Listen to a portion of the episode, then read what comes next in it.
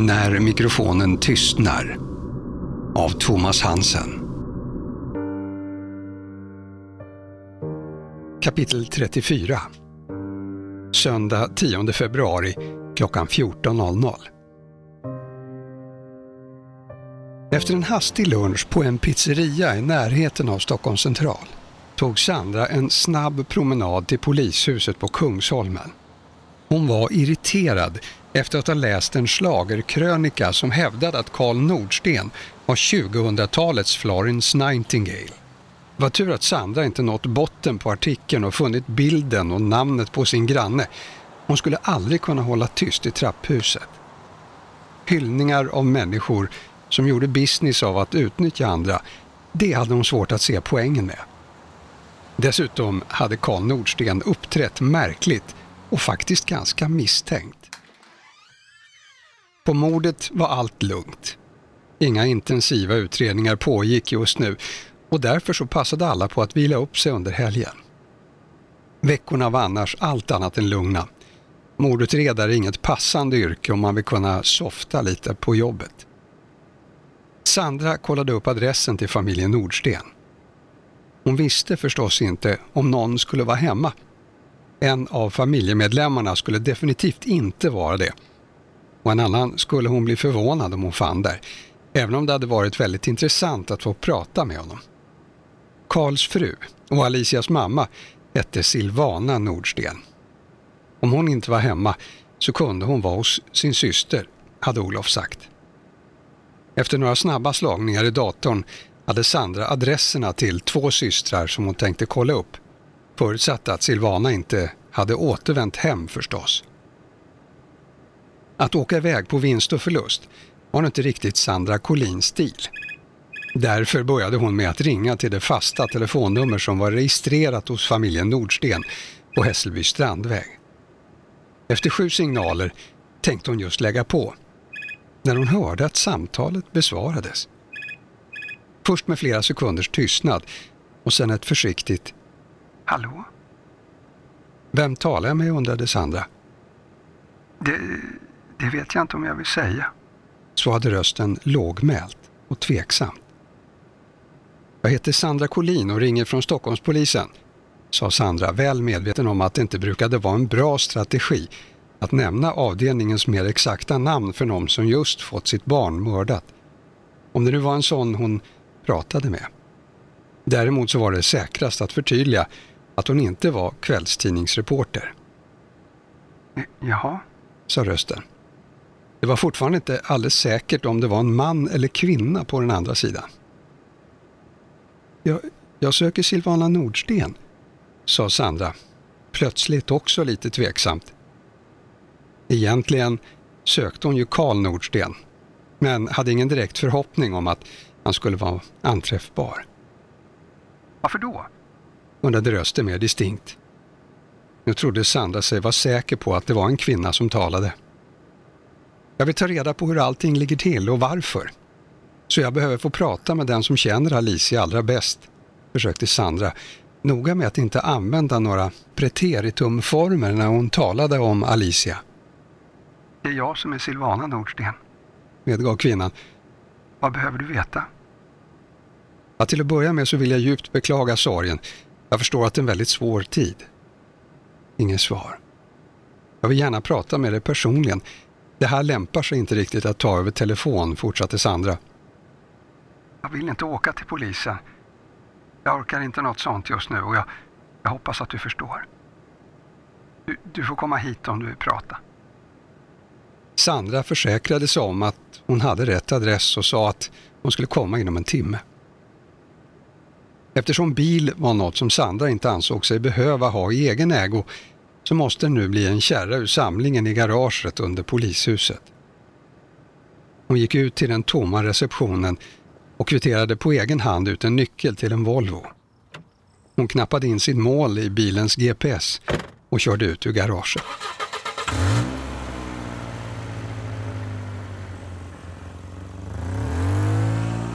När hon åkte upp på Tranebergsbron tittade hon ut till vänster och såg ett av fönstren till sin egen lägenhet vid Fredellsklipporna.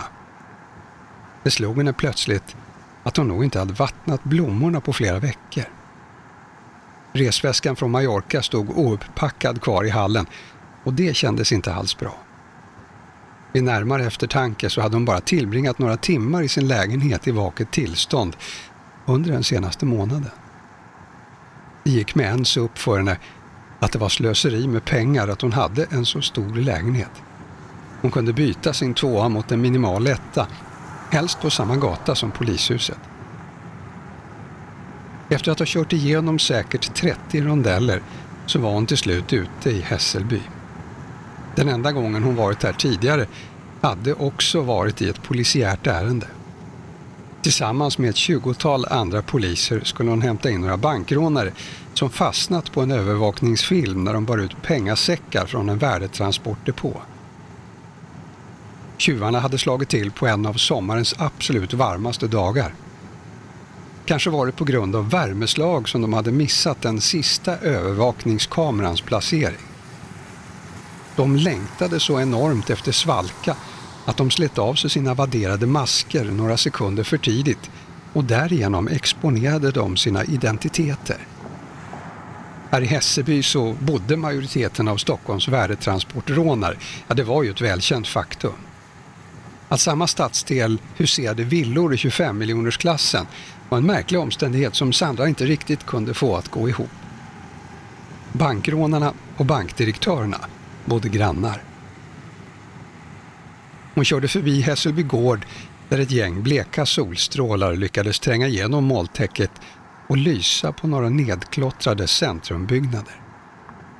Hon följde tunnelbanans spår ner mot Hässelby strand, passerade flera stora och höga lägenhetskomplex och en halv minut senare befann hon sig plötsligt i en villa-idyll. Förbluffad över den plötsliga scenförändringen totalmissade hon ett fartkupp som inte bara märkts ut på ett undermåligt sätt utan dessutom var så feldimensionerat att det var helt obegripligt. Hon kände hur Volvon efter en mindre flygtur landade på frontspoilern med ett brak. Helvete, hann Sandra tänka innan hon träffade fartguppet på andra sidan korsningen i samma hastighet.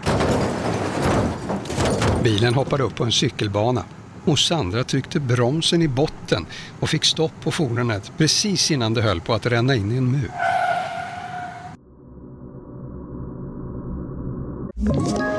Ett poddtips från Podplay. I fallen jag aldrig glömmer djupdyker Hasse Aro i arbetet bakom några av Sveriges mest uppseendeväckande brottsutredningar går vi in med hemlig telefonavlyssning och, och då upplever vi att vi får en total förändring av hans beteende. Vad är det som händer nu? Vem är det som läcker? Och så säger han att jag är kriminell, jag har varit kriminell i hela mitt liv men att mörda ett barn, där går min gräns. Nya säsongen av Fallen jag aldrig glömmer på Podplay. Efter ett djupt andetag lyssnade hon på den tålmodiga rösten som gång på gång uppmanade henne att göra en U-sväng för att komma tillbaka till rutten. Hon svängde runt bilen och passerade fartguppet igen. Nu i en mer lämpligt anpassad hastighet. Framför sig så hade hon en brant nedförsbacke som ledde rakt ner till Mälarens vatten. Vyn var fantastisk. Det var inte svårt att förstå att man behövde gott om pengar för att bo här. Just längs vattnet verkade det som om kommunens planläggare velat trycka in så många hus som möjligt och därför gjort tomterna maximalt smala och med garageportarna precis intill vägkanten. Detta samtidigt som tomterna som tillhörde ursprungsbebyggelsen var gigantiska. Insprängda bland 60-talsvillorna låg små torp med tomter så stora att trädavverkningen hade kunnat försörja ett års tidningstryckande i något avlägset furstendöme. Sandra bromsade in och parkerade utanför Nordstens villa. Hon klev ur, låste bilen som bekräftade med en blinkning och satte sig på huk vid fronten för att undersöka om det hade blivit några skador av höjdhoppsövningen vid det svårupptäckta guppet. Hon märkte i ögonvrån att någon i huset på andra sidan gatan stod och tittade på henne. Halvt dold av en gardin. Här höll man tydligen koll på vad som hände på gatan. De flesta husen var egentligen inte särskilt märkvärdiga. Det var vanliga standardmodeller ifrån 1960 och 70-talet som på så många andra platser. Det speciella hade med omgivningen att göra. Majoriteten av villorna låg otroligt fint. En stor andel hade sjöutsikt. En del hade till och med egen brygga och strand. Sandra tyckte att till och med signalen från ringklockan lät exklusiv. En lampa tändes i hallen och en lätt skugga i det höga fönstret bredvid dörren avslöjade att någon var på väg för att öppna dörren. Silvana Nordsten var klädd i mörka eleganta byxor och en sliten t-shirt med röda och vita ränder. Hennes hår, som föreföll att vara blonderat, var klippt i en parsfrisyr men såg slitet och oborstat ut. Hon såg på sin gäst med rödgråtna ögon, sa ingenting men tog ett steg tillbaka för att signalera att det var fritt fram att kliva på. Såg Sandra verkligen ut som en polis? Eller hur kunde kvinnan vara så säker på att det inte var någon mer ovänligt sinnad som plingade på dörren? Hej, jag heter Sandra Collin. Det var jag som ringde. Jag jobbar på Stockholmspolisen och just nu så hjälper jag polisen i Växjö med utredningen om Alicia. Silvana Nordsten nickade och skakade mjukt den framsträckta handen, men förblev tyst. Sandra följde efter henne in i det som verkade vara ett vardagsrum. Och de slog sig under tystnad ner i varsin väldigt bekväm fåtölj. De var placerade mitt emot varandra, men stolarna kunde vridas mot ett stort panoramafönster som bjöd på en fantastisk sjöutsikt. Vet ni något mer? Frågade kvinnan försiktigt, som just förlorat den mest betydelsefulla människan i sitt liv innan den ens hunnit ta klivet ut i vuxenlivet. Någonstans här i huset fanns ett rum som tillhörde Alicia Nordsten, eller åtminstone hade gjort det. Sandra tänkte att hon skulle be att få titta på det senare. Ja, vi vet en del, men vi har fortfarande många frågor. Och jag kan lova dig att vi gör allt för att ta reda på vad som har hänt. Men vad vill ni att jag ska göra?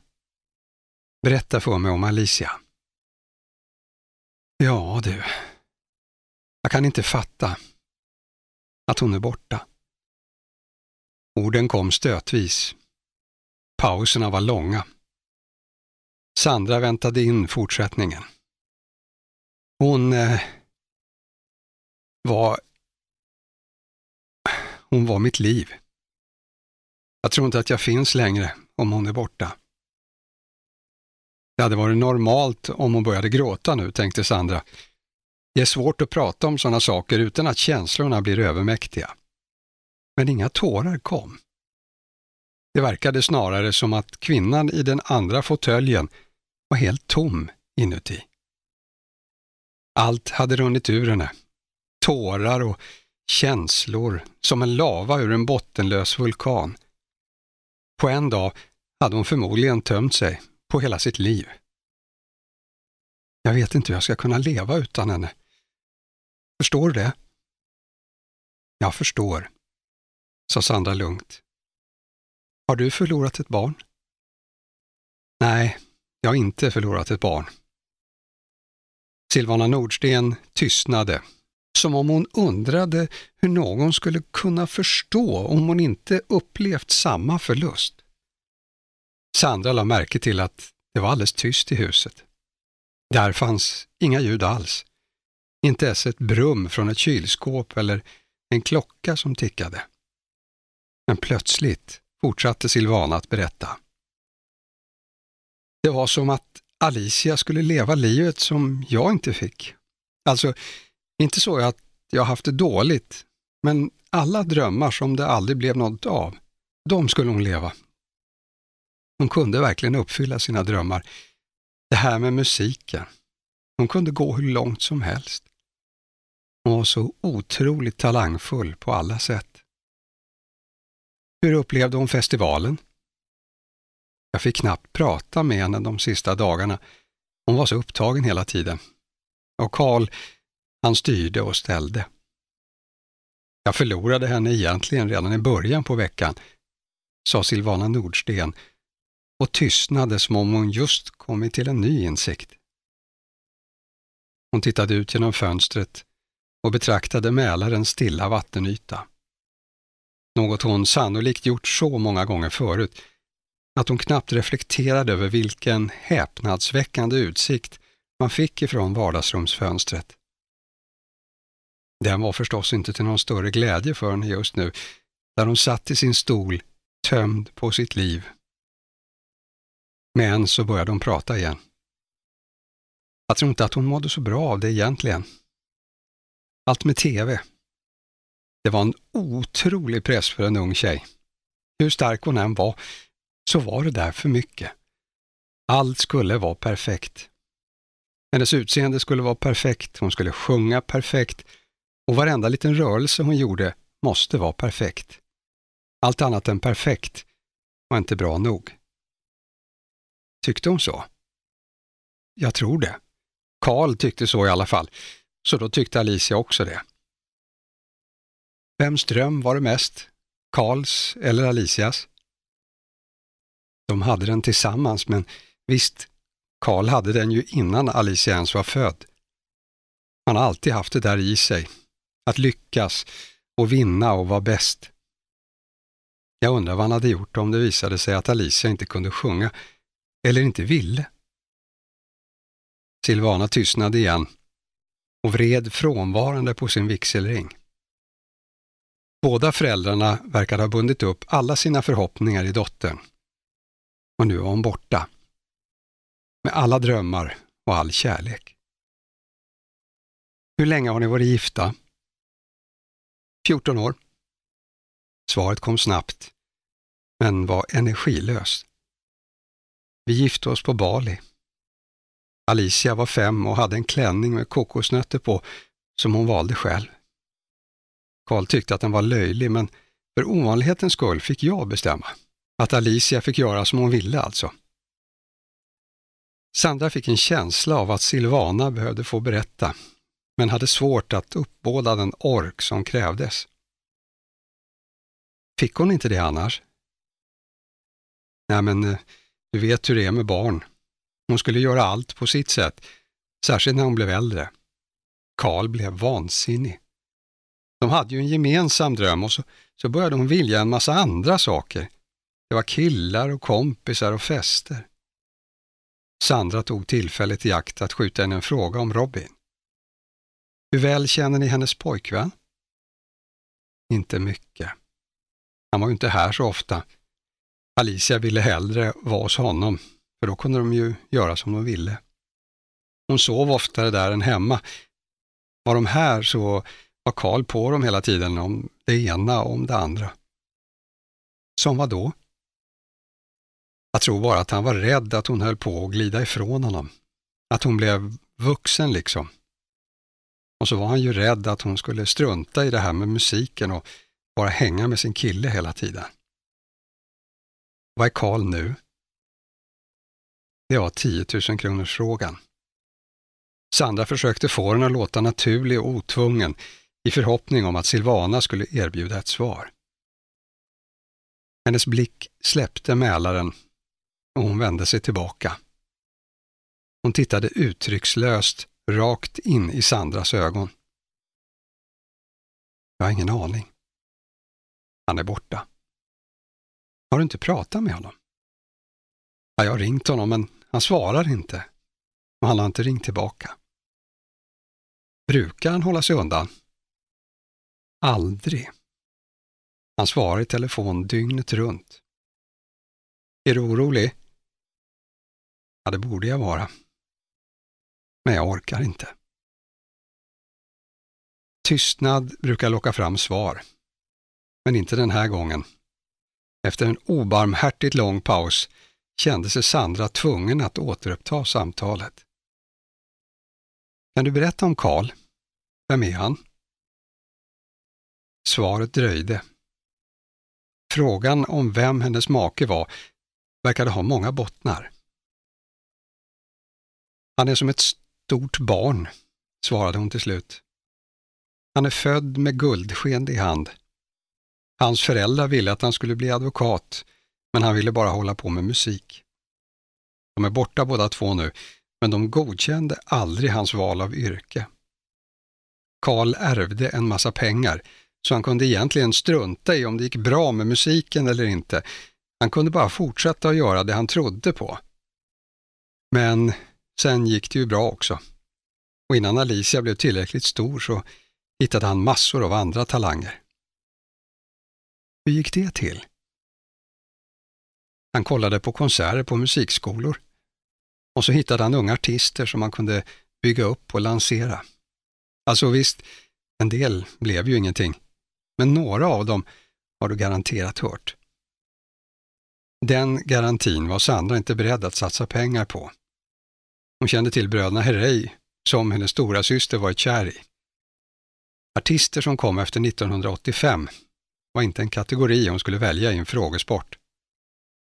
Visste du att de ville ha honom i Idoljuryn? Han blev otroligt smickrad, men han kunde inte göra det.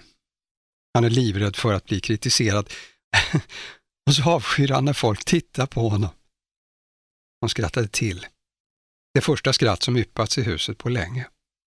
Kan du tänka dig det? Han vill vara i rampljuset hela tiden, men han vill inte att någon ser honom. Det är faktiskt så att han vill hålla sig gömd och styra andra så att de tar platsen längst fram. Håller han sig gömd nu? Jag vet inte. Jag antar det. Men han har aldrig gjort så förut. Nej. Skulle han kunna skada Alicia? Silvana Nordsten spärrade upp ögonen. Hon drog efter andan, vände sig bort mot utsikten. Sjön låg fortfarande där. Nej, det skulle han inte. Aldrig. Absolut inte. Ett förväntat svar från en fru och mamma. Men det lät också ärligt. Alicias karriär och välmående verkar vara hans främsta fokus i livet. De lämnade vardagsrummet för att titta på Alicias rum. Det kändes ovanligt stilrent för att tillhöra en tonåring, tänkte Sandra. Inte för att hon hade så mycket att jämföra med, men designmöbler och hyllor med prydnadsföremål, var det verkligen vad man skulle kunna förvänta sig att hitta hos en 19-åring? Hon undrade om Silvana hade städat undan där inne. Det vanliga var annars att en förälder inte vill röra minsta pinal i det rum som tillhörde ett förlorat barn. Allt skulle förbli som barnet lämnade. Väggarna var dekorerade med tavlor som Sandra tyckte såg dyra ut. De kunde visserligen lika gärna vara köpta på Rusta. Ja, det vore ju synd att kalla Sandra för konstexpert.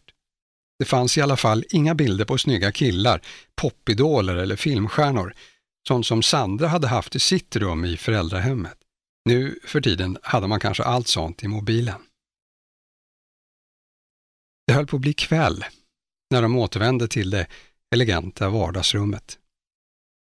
Mörkret hade lagts över Hässelby. Ett par lampor i fönstret tändes automatiskt. Sandra började bli hungrig. Men det kändes inte som läge att beställa hämtpizza, även om hon kunde adressen. En Hawaii hade inte varit fel. Det slog Sandra att kvinnan framför henne såg ut som sin dotter, fast 20 år äldre. Och det betydde att hon varit ung när hon blev mamma. Vilket Sandra konstaterat redan när hon kollade upp familjen i de register som polisen hade tillgång till. Åldersskillnaden mellan Alicias föräldrar var inte obetydande. Sandra undrade om pengarna hade spelat roll. Visst verkade Karl Nordsten vara en spännande och stilig man, men ändå inte i klass med sin fru och dotter. Silvana Nordsten var alldeles för snygg för honom. Kvinnan i fåtöljen drog ett djupt andetag och använde all nyförvärvad luft till en utdragen suck. Jag är ledsen. Men jag tror inte att jag har något mer att säga. Tack för din hjälp. Jag försöker få en bild av allt, så det är till väldigt stor hjälp. Men bara en sak till. Vad tror du att Alicia gjorde sent på kvällen i ett bostadsområde i en okänd stad där de borde ha varit kvar på festen eller på hotellet? Jag vet inte. Hon kanske bara tog en promenad. Hon älskade att vara ute och gå. Det var enda gången hon fick vara för sig själv och tänka alldeles fritt. Hon sa alltid att det var så bra att gå. För tanken alltså. Det var förstås en möjlighet. Sandra såg kartan över centrala Växjö framför sig. Alicia kanske hade gått ifrån Konserthuset raka vägen fram till Kungsgatan. Då skulle hon gå till höger för att komma ner till hotellet. Istället gick hon till vänster, rakt upp för Kungsgatan. Det var i delar en ganska rejäl uppförsbacke. Perfekt för en välgörande promenad om man ville ha lite motstånd. När hon kom ner på andra sidan backen, där vägen byter namn från Kungsgatan till Kungsvägen, hade hon kanske tänkt vända för att få ett likadant pass till. Men just där stod någon med en spade. Någon som var ute efter att döda. Kan det ha varit en fullständig slump att just hon blev misshandlad till döds? Råkade hon bara vara på fel plats vid fel tillfälle? Råkade hon ut för en ensam galning? Fanns det några andra ouppklarade våldsbrott i Växjö? Det måste hon fråga Olof om. Det absolut viktigaste nu var att få tag i Karl Nordsten. Någonstans måste han ju vara, levande eller död. Imorgon skulle hon se till att bli en officiell del av den här utredningen och omgående beställa spårning av Karl Nordstens telefon och kontokort.